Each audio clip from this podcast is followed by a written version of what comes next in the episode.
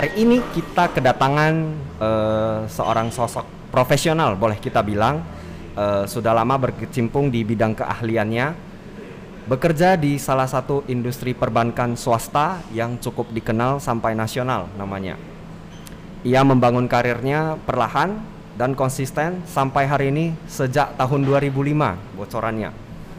Langsung saja kita perkenalkan Julia Cowanta. Halo, selamat pagi Ci Julia. Pagi Wisely. Oh yes, gimana? Akhir gimana? pekan berarti lebih santai ya ini ya? Iya kegiatan. santai, karena kan ngantornya cuma Senin sampai Jumat kan. Oh sekarang. Sabtu Minggu ya standby at home. Standby at home ya.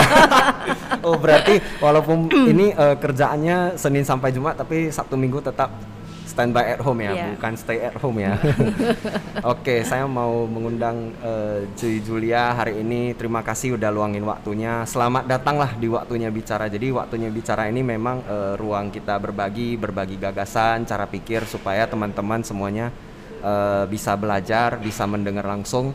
Uh, kita hilangkan jarak lah, biar teman-teman bisa mendengar. Oh ternyata dari bidang ini ada ya perspektif seperti ini, gitu. Jadi memang di sini sesuai tagline-nya di sini tempat kita semua di sini waktunya bicara thank you juga ya Wisely untuk waktunya dan kesempatannya juga pagi ini oke okay. boleh diminum dulu yeah, Ci yeah, kopinya yeah. silakan thank you btw Cici hmm. memang ini ya uh, orang yang minum kopi Hmm, ya. Soalnya tadi saya terkejut juga pesennya langsung long black kan gitu, spesifik banget gitu. Itu jarang banget. Oh. Kalau orang biasa kan kayaknya pesennya uh, americano gitu atau latte jatuh-jatuhnya paling jauh?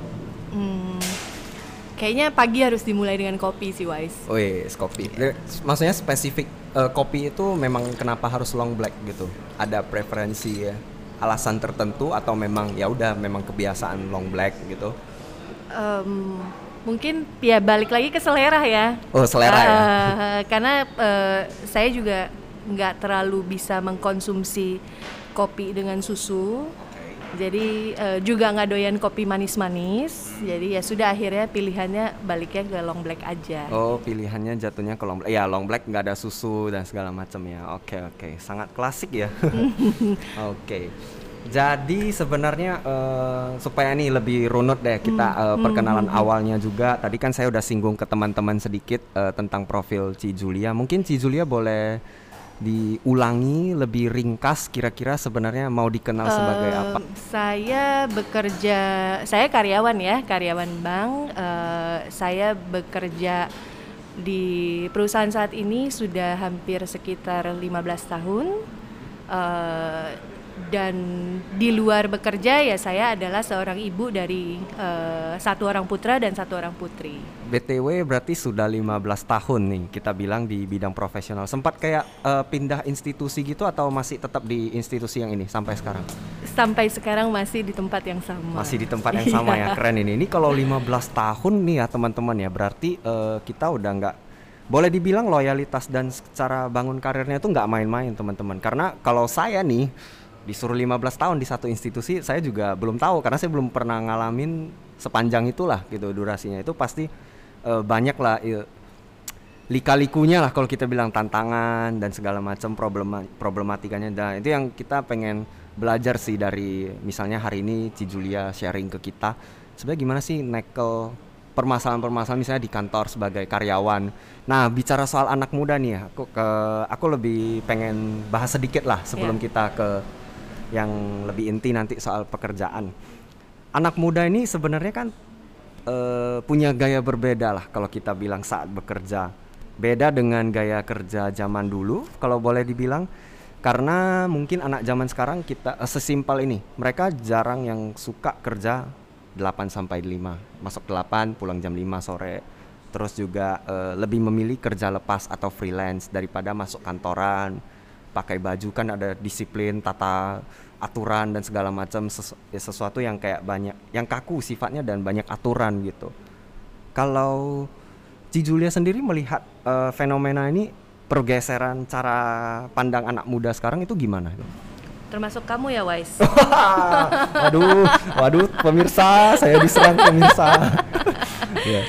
ya uh, kalau saya melihat fenomena itu sebenarnya sah aja sih Wise okay. artinya gini uh, kerja itu kan aktualisasi diri ya Artinya um, ya kita bekerja, kita tahulah kita maunya apa gitu kan. Kita tahu tujuan kerja kita apa. Ada orang yang tujuan kerjanya, oh saya memang mau mencari uang, mencari penghasilan. Ada orang yang mungkin kerja, oh saya mau cari uh, uh, apa namanya uh, teman gitu kan atau atau apa pun lah itu kan menjadi uh, targetnya masing-masing orang di dalam bekerja gitu kan. Nah balik lagi yang kamu bilang fenomena bahwa orang merasa oh saya sekarang maunya kerjanya tidak uh, 5 ke 8 gitu kan, tidak pakai kostum resmi dan sebagainya ya itu sah aja kalau memang orang berpikiran seperti itu dan kalau seperti kamu lah, kamu hmm. merasa bahwa kerja uh, dengan waktu fleksibel saya lebih kreatif, saya lebih uh, uh, produktif ya nggak apa-apa gitu loh. Berarti benar teman-teman, uh. kita nggak apa-apa nih kalau misalnya nggak kerja 8 sampai 5. Nah, tapi gini Ci, banyak Tapi rupanya kalian kerjanya 8 sampai 12 Waduh, malam malah ya. Terima biasa. kasih Ci Julia sudah dimention. Inilah derita kami sebagai anak-anak di industri kreatif lah. Ya, memang ada plus minusnya juga sih sebenarnya kalau kita lihat. Ya, tapi kita mencoba juga sih. Malah gini Ci yang menarik kalau di saya ya di uh, perusahaan yang saya bangun sama teman-teman kita juga akhirnya pada akhirnya itu berusaha membuat pekerjaan seperti jam 8 sampai jam 5. Kalau enggak kita kehidupan pribadi itu Betul. rasanya udah hilang gitu. Yeah. Jadi banyak sekali eh, hal-hal uh, yang kemudian secara tidak langsung kita makin sadar itu setelah dikerjakan. Awalnya aja ngelihat oh enak ya freelance. Bisa waktunya fleksibel, ternyata makin fleksibel itu ke kualitas hidup kita, cara kita disiplin berbagi waktu wah itu berbeda banget seiring berjalannya bertambahnya usia lah kalau kita bilang. Ini makanya teman-teman saya yang seperti bantu-bantu kita syuting yang hari ini juga semuanya mulai sadar gitu. Jadi akhirnya kita juga ya membentuk kebudayaan baru yang sebenarnya kurang lebih sama sih dengan kerjaan di profesional tadi iya, kan kita karena nggak mau sampai jam 12 malam ya. Iya karena kami juga nggak mau jam 12 itu kami juga maunya ya wajar lah yeah. nonton. Kita kan yeah. juga manusia kan sebenarnya gitu sih sebenarnya. Tapi ya nggak apa-apa berarti walaupun uh, kerja fleksibel tidak pakai kostum resmi misalnya dan uh, tidak uh, di bidang apa pun teman-teman gak usah khawatir. Berarti sah-sah aja menurut si Julia tadi pandangannya. Yes kita dibela nih. Oke. Okay. btw uh, bicara nih soal divisi bidang kerja Ci Julia. Ini aku mention sedikit biar mungkin teman-teman lebih dapat gambarannya. Kan Cici sekarang bagian di cut center gitu ya bahasanya atau ada bahasa yang lebih tepat nggak istilahnya? Uh, consumer cards sih. Kita consumer cards ya. Iya. Consumer cards ini pembagiannya bisa apa aja nih spesifiknya? Uh, mungkin kalau secara spesifik saya jelasin nanti panjang. Okay. Tiga hari kita nggak selesai. Wah iya iya siap. siap. Oh jangan ya, juga sih. Lebih kurang kita lebih kepada uh, uh, bisnisnya kita lebih kepada kartu kredit, kemudian mesin edisi, kemudian uh, semua hal yang ber, berkaitan dengan transaksi lah ya. Uh, berarti kalau misalnya bicara kartu, aku paling seneng nih kalau relate sama anak muda mungkin ke kartu kredit nih. Hmm. Boleh lah ya, kita hmm. singgung sedikit soal hmm. kartu kredit. Boleh, nah, boleh. sebenarnya uh, kita mungkin lihatnya cara perusahaan nih menghadapi pandemi ini uh, prinsip kehati-hatian itu masih dijalankan nggak sih? Karena kan kayaknya kalau kredit ini kayaknya makin banyak orang yang makin bablas mungkin atau mungkin sulit dikontrol gitu. Nah dari bank sendiri ada prinsip kehati-hatian nggak menghadapi fenomena seperti ini? Hmm. Uh, kalau dari bank sendiri tentunya kita pasti akan uh, lebih uh, menerapkan prinsip analisa yang lebih baik lah ya di dalam di dalam memproses semua kredit itu sudah pasti yang pertama.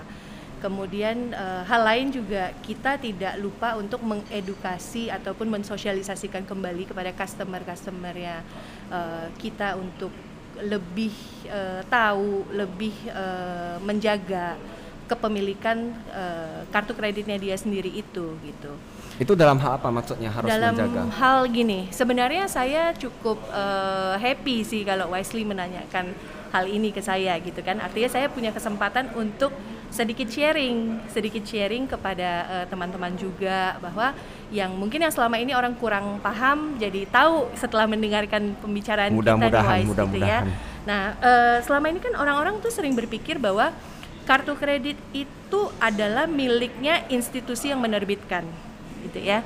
Nah, sebenarnya secara fisik iya betul.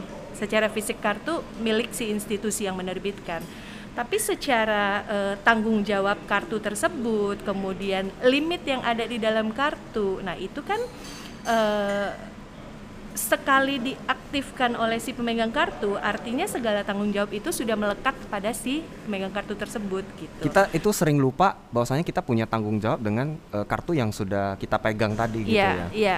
Kenapa menurut Ci Julia uh, menilai kayak banyak sekali orang yang seperti lupa dengan kesan tanggung jawabnya. Emang sering teledor dalam hal apa gitu dari nasabah gitu atau segala macam? Iya, mungkin kadang gini aja, orang nggak sadar uh, kartu hilang gitu kan. Kartu hilang, kemudian tidak pernah dilaporkan. Nah, kemudian kartu disalahgunakan disalahgunakan oleh pihak yang tidak bertanggung jawab lah ya oh, gitu kan. Nah, baru nanti di situ sibuk dia di ya. Di situ sibuk dan di situ komplain bahwa kan kita tidak menggunakan dan sebagainya gitu kan. Nah, ya, tapi ya, kan ya, ya. Uh, ya mungkin Wesley juga tahu lah di di di uh, kondisi umum pasti seperti itu gitu kan. Uh, Nah, pada akhirnya kita harus menjelaskan kembali bahwa sebenarnya selama kartu tersebut masih bersama dengan pemegang kartu, tanpa kita ketahui apakah dia ada atau hilang, ya tanggung jawabnya ada di sana. Nah, kalau bicara lagi lah soal kartu karena seru nih aku lihat soal-soal kartu nih. Uh, terutama bicara soal uh, cybercrime atau jenis kriminal baru lah kalau kita bilang kan banyak tuh penipuan-penipuan online yang memanfaatkan registrasi kartu kredit. Ada tips gak buat kita supaya tetap berhati-hati setiap melakukan transaksi terutama yang di bagian online ini. Soalnya sekali kita register kartu kredit ini kita kan nampaknya percaya nih. Kan biasa tuh sampai ada OTP dan segala macam jadi memang sudah terlihat uh, ya ini sih nggak terlihat seperti fraud. Ternyata setelah transaksi terjadi baru kita tahu oh ini fraud sebenarnya. Nah OTP itu adalah nomor yang memang uh, diberikan oleh bank penerbit kartu kepada pemegang kartunya untuk uh, memastikan atau memverifikasi transaksi itu benar-benar dilakukan oleh pemegang kartu. That's why nomor itu masuknya ke nomor SMS uh, nomor handphone yang terregister. Oh, berarti gitu kan. pentingnya ini kalau boleh dibilang ya kurang lebih sama dengan si PIN tadi ya. Kalau OTP itu kan ke, uh, transaksi di mana kita tidak hadir, kita belanja online, tapi untuk memverifikasi bahwa benar loh card holder yang melakukan transaksi, maka harus dimasukkan yang namanya OTP tersebut. OTP adalah security yang paling secure saat ini untuk memastikan uh, transaksi itu real dilakukan oleh pemegang kartu. Boleh kasih satu contoh yang seperti apa sih yang sering terjadi yang belakangan ini? Uh, belakangan misalnya nih contoh case ya, aja contoh ya, case aja, uh, apa -apa. bahwa kayak ada ada orang yang menerima OTP, kemudian ada yang menelpon sambilan, e, ibu melakukan transaksi atau bapak melakukan transaksi di tempat ini, bla bla bla bla. Oh tidak gitu kan kata si pemegang kartu. Oh, Oke okay, kami akan membantu membatalkan ya. Coba sebutkan nomor yang tertera di SMS. Jadi si pemegang kartu panik dong. Oh saya memang tidak transaksi. Oke okay, tolong dibatalkan ya. Dia sebutkanlah nomor OTP-nya. Padahal sebenarnya orang itu adalah penipu. Oh ya, dan OTP itu tadi balik lagi ya, itu seperti hmm. personal identification number kita ya. One kan? time password kan. One, one time, time password oh, ya namanya kepanjangannya password, one time password ya. ya. Password yang, juga yang ya. dynamic yang setiap kali kamu transaksi akan dikirimkan nomor yang berbeda-beda gitu. Oh, jadi karena itu Oh, berarti sama itu pin itu sebenarnya tapi itu bedanya di transaksi online bahasa ya. ininya lah bahasa sederhananya kalau pin kan satu nomor selalu kamu ingat ya, kalau karena OTP kita itu kan, kan uh, dinamis artinya setiap kali kamu transaksi dia akan kasih nomor okay. yang baru tapi aku uh, mungkin kesimpulannya gini ya koreksi ya kalau Ci Julia kalau aku salah simpulkan pin sama OTP ini sebenarnya bukti verifikasi untuk security security ya jadi nggak ada alasan lagi nih kalau misalnya itu meminimalisir resiko transaksi-transaksi tidak bertanggung jawab ya, lah kita betul, bilang. Betul. Oh, saya baru tahu. Saya kalau OTP SMS ya udah SMS doang, sekitar verifikasi ya udah gitu doang. Saya nggak melihat OTP bahkan ya kalau transaksi online kalau saya pribadi, saya tidak melihat itu seperti uh, saya melihat PIN. Kalau PIN itu kan mungkin saya kalau ke ATM lah paling gampang, itu saya tutup-tutup. Kan ada kan yang sampai tutup dua jari gitu segala macam kayaknya kalau OTP ya udah biasa doang kan karena dia masuk SMS doang. Ternyata itu penting ternyata. Itu penting dan oh, jangan okay. sampai uh, sekalipun uh, OTP tersebut di-share kepada orang yang menanyakan, siapa pun orangnya gitu ya karena tidak ada yang namanya konfirmasi nomor OTP lewat handphone, tidak ada yang namanya konfirmasi data pemegang kartu lewat telepon, itu tidak ada. Bahkan Jadi, dari perusahaan menanyakan gitu tidak, tidak akan. Betul, tidak akan. Jadi, Seperti PIN jangan, sih sebenarnya kalau ya, saya lihat. Jangan pernah share kepada siapa pun. Kembali ke anak muda dan cara kerjanya. Sebenarnya uh, menurut Ci Julia cara kerja yang sekarang nih di perusahaan kan banyak nih administrasi kaku. Tadi kan sempat saya singgung aturannya banyak. Anak muda itu sebenarnya nggak suka yang gitu-gitu. Men- sebenarnya perusahaan itu aware nggak sih dengan perubahan dinamika gaya kerja anak muda zaman sekarang? Hmm, aware aja sih. Aware. Terus Iya. yang dilakukan apa tuh sama perusahaan? Yang dilakukan sama perusahaan ya, gini sebenarnya gini, semua perusahaan itu kan punya culture sendiri gitu kan. Kalau misalnya culture eh, eh, perusahaan A dengan perusahaan B itu kan juga pasti berbeda dong. Misalnya kalau kita bicara kita di institusi yang eh, memang penuh dengan administrasi iya, tapi kan bukan berarti tidak ada perusahaan yang mungkin fleksibel seperti perusahaan tempat Wisely berada gitu kan. Nah artinya itu balik lagi ke masing-masing culture perusahaan. Eh, kalau misalnya kamu tanya dari sisi anak muda bisa match nggak di dalam eh, perusahaan tersebut gitu kan? Nah artinya gini, saat anak muda anak muda ini termasuk saya yang masih muda gitu kan, Oke, siap. Saya mau- tampak lah muda teman-teman. Ah, saya join di satu perusahaan, artinya ya saya yang harus beradaptasi mengikuti em, eh, culture dari perusahaan tersebut, ya kan? harus sesuaikan budayanya. Betul, artinya gini, benar-benar. kalau kita memilih berada di perusahaan yang memang oh terlihat agak administratif, agak eh, kaku atau eh, agak banyak prosedur gitu kan, ya kalau kita memang mau di dalamnya ya kita ikutin. Tapi kalau memang kita nggak mau ya kita mencoba untuk mencari perusahaan yang culture-nya sesuai apa yang kita mau gitu kan, karena kan kerja itu harus kita suka harus pakai hati baru kita benar-benar benar-benar bisa berkembang di dalamnya gitu kan Bayarannya juga harus oke sih Ci Julia. Kalau bayarannya oke, administrasinya mau sekaku apa pun kayaknya saya siap deh gitu. Gak apa-apa deh saya masuk aja deh gitu.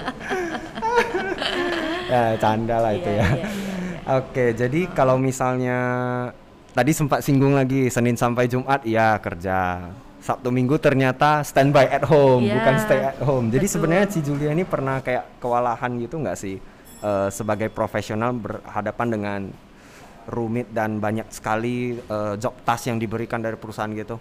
Kalau misalnya pernah kewalahan tuh cara handle-nya gimana sih? Karena kan Ci Julia ini kan seorang ibu juga kan gitu. Hmm. Iya, iya.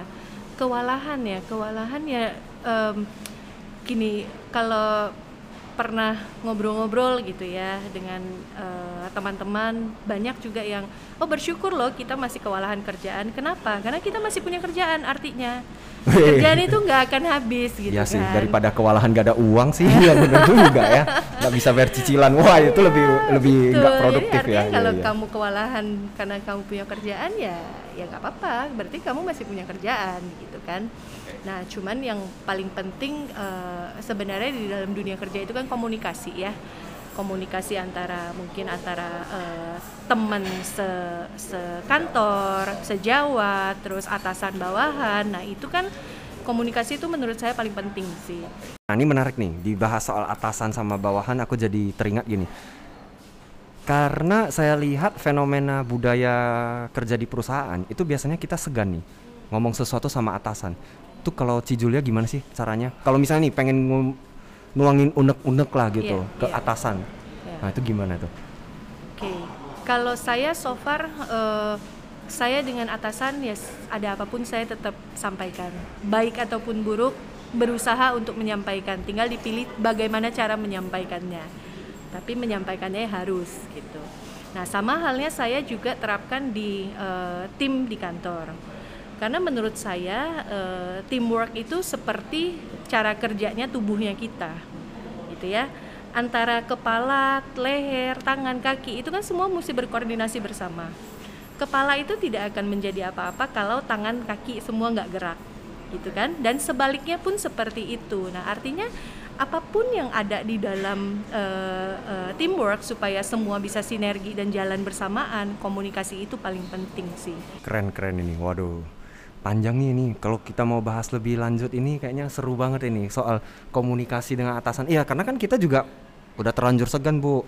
Tergantung pilih pilih cara penyampaian aja sih seperti apa. Penyampaian ini yang harus Iya, iya. Harus pandai-pandai kita. Ya lah jam terbang juga sih bu. Kalau udah 15 tahun ya kan, kita nggak ragu lah. Iya iya siap-siap. Oke, jadi kalau misalnya nih ada kita bicara sedikit drama-drama kantor nih, Cie. Mhm. Drama-drama kantor yang biasa terjadi yang saya dengar dari teman-teman itu kalau misalnya kita itu dipindahkan ke divisi yang bukan bidang kita sesuai dengan keahlian kita. Nah, akhirnya kan pasti nih si profesional yang masuk ini, aduh kesel nih, burn out dengan tekanan perusahaan kok saya dikasih seperti ini. Padahal sebelumnya saya udah nyaman nih sama kerjaannya, suka passionate deh kita bilang. Nah, kalau ada tips gak sebenarnya dengan situasi hal seperti ini? Ini kita bicara dalam artian uh, gini ya, perusahaan mungkin memindahkan saya karena memang divisi itu perlu dan perusahaan melihat saya tuh mampu gitu. Tapi ternyata kan saya burn out dan segala macam misalnya. Nah itu ada tips gak menghadapi hal-hal seperti ini dari seorang Cijulia kalau saya pribadi melihat ya uh, selama kamu masih dipercaya oleh perusahaan begini mulainya dulu deh. Selama kamu masih mau di perusahaan ya dibalik ya dibalik ya, ya, ya bukan ya. bukan ingat bukan, bayarannya teman-teman. Ya gitu kan. Karena kan kembali ke awal kita kerja tujuannya apa dulu? Mesti ya, tahu tujuan kerjanya tujuan kita kerja, apa benar. ya kan? Nah dengan kita tahu tujuan kerja kita apa kan kita tahu kita harus tetap stick di perusahaan tersebut gitu kan?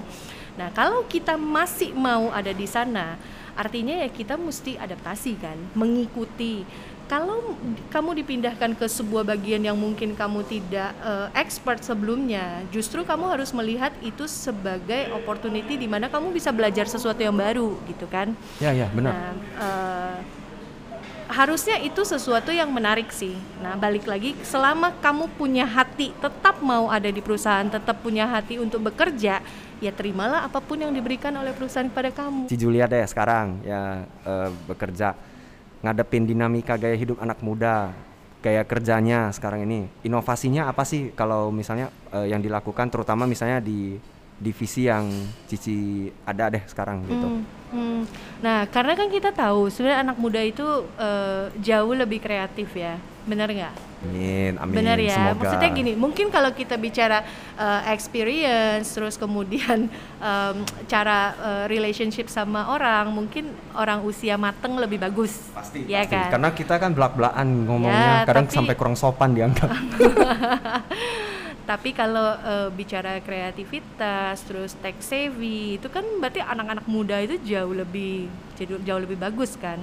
Nah perusahaan tentunya harus balance juga dengan melihat uh, orang yang mampunya di bidang apa ya te tempatkan dia sesuai dengan kemampuannya gitu kan. Artinya uh, pada saat banyak anak-anak muda yang uh, cukup ber kreatif ke, kreativitas tinggi ya saat ini ya kita juga bisa melihat bahwa ya silakan kerjakan sesuai dengan kemampuannya kalian gitu. Artinya uh, batasan pekerjaan adalah ini silakan dikembangkan gitu kan. Nah uh, silakan kalian berinovasi. Kalau memang bagus ya bisa diterapkan di perusahaan. Saya pengen membahas soal ini karena uh, saya merasa Cijulia lebih kredibel dari sisi uh, perspektif seorang profesional yang bekerja 15 tahun di untuk perusahaan untuk menjawab pertanyaan ini. Mungkin uh, langsung aja. Ini kayak saya deg-degan juga nanya. Saya berhati-hati sekali menyusun kata-katanya. Karena gini, menjadi wirausaha atau punya usaha sendiri, bahasa populernya itu kayaknya selalu dianggap lebih baik dibandingkan ah daripada kerja sama perusahaan si A, si B, si C meniti karir profesional lah sampai misalnya ada jabatan paling apa pun itulah kita bilang. Kalau menurut Cijulia gimana? Menurut Se saya. Iya, pandangan yang seperti ini. Okay. Uh, eh, saya sangat percaya kata-kata rumput tetangga selalu lebih hijau. Weh, ya. asik. Iya, iya, iya. Siap, siap. Uh, mungkin saat kita di posisi A, kita akan melihat orang di posisi B, oh kok dia lebih bagus ya dari kita gitu. Sama halnya pada saat dia di posisi B akan melihat oh rupanya A kok lebih nyaman ya lebih enak ya gitu kan nah artinya mau jadi entrepreneur mau jadi wirausaha kan ataupun mau bekerja uh, profesional di kantor dan sebagainya. Menurut saya sih uh, sama aja. Pasti masing-masing punya dinamika kerja yang berbeda lah ya. Uh, mungkin uh, kalau di kantor kita akan memikirkan oh fokusnya saya ini sedangkan wirausaha mungkin fokusnya dia selain memikirkan pekerjaannya harus memikirkan orang-orang orang-orang lain juga gitu kan. Nah artinya gini tidak ada yang lebih baik tidak ada yang lebih buruk. Hanya itu balik ke pilihan orang masing-masing sih bahwa kita punya kesempatan di mana ya di sanalah kita berkarir. Gitu. berkarir berkarya tadi seperti yang sempat Cijulia di awal singgungnya oke lah kasih sekalian deh kasih closing buat uh, anak-anak muda buat teman-teman yang mendengar sesi kita hari ini apa sih sebenarnya uh, tips dan kunci supaya kita itu uh, bisa lebih tidak sering-sering melihat rumput tetangga tadi yang hijau-hijau itu. Iya iya. Uh, yang satu kita bersyukur ya. Balik lagi ke pembuka bahwa ya kita memang harus mensyukuri semua keadaan yang kita punya gitu. Even kita bangun tidur, kita dalam kondisi sehat itu pun kita harus bersyukur karena kita nggak tahu apa yang akan terjadi uh, besok ataupun lusa gitu ya. Jadi tiap tiap saat kita tetap harus bersyukur dan jangan lupa mencintai apa yang kita punya termasuk pekerjaan gitu. Karena kan ada quote bahwa orang tuh biasanya baru uh, sadar dia kehilangan saat barang itu udah nggak ada gitu ya atau uh, pekerjaan itu udah nggak ada gitu. Nah jadi selama masih ada, semua masih ada di dalam uh, pegangannya kita, ya kita bersyukur dan kita mencintainya. Aku sih dengernya sampai ini gregetan juga ini closingnya ya bener sih setelah kita hilang itu biasanya kita baru kayak aduh aduh itu ya. selalu aduh aduh duluan deh pokoknya oke okay. wah terima kasih Ci Julia pagi Sama ini Wisely. sudah meluangkan waktunya bicara uh, bersama kita sharing ke teman-teman mungkin aku sum up sedikit buat teman-teman supaya lebih paham jadi uh, walaupun bidang pekerjaan kita mau di wirausaha mau di bidang profesional eksekutif bekerja sama perusahaan yang penting itu kalau seperti Ci Julia bilang tadi kita itu nggak bisa selalu lihat rumput tetangga karena rumput tetangga itu selalu lebih hijau gitu. Jadi satu-satunya itu ya dengan tips yang tadi disinggung bersyukur dengan keadaan yang kita punya cintai apa yang kita punya gitu. Dengan hal dengan hal-hal seperti ini mudah-mudahan teman-teman di bidang apa pun tetap uh, punya cara pandang ya aku bisa sukses kok dari bidang ini. Karena selagi ada kesempatan ya do it your best kalau dari kata Ci Julia tadi. Mudah-mudahan pagi ini uh, bermanfaat buat teman-teman. Uh, bisa belajar banyak juga dari Ci Julia. Karena saya juga sendiri belajar banyak terus kita juga singgung lebih spesifik tadi soal keamanan kartu kredit atau kartu debit bahkan transaksi online. Pokoknya berhubungan dengan consumer card deh gitu. Dari situ kita juga belajar tentang uh, pentingnya kita karena kita juga punya tanggung jawab nih sama uh, kartu yang diterbitkan sama perusahaan gitu. Jadi ini bukan serta merta hanya tanggung jawab sepihak ya teman-teman ya. Mudah-mudahan dengan uh, adanya awareness lah kalau kita bilang tadi sempat singgung ya sampai OTP begitu dalam soal PIN transaksi online itu semuanya teman-teman bisa uh, lebih paham dan mulai memperhatikan hal-hal seperti ini. Terima kasih waktunya Ci Julia. Selamat pagi atas waktunya. Thank you.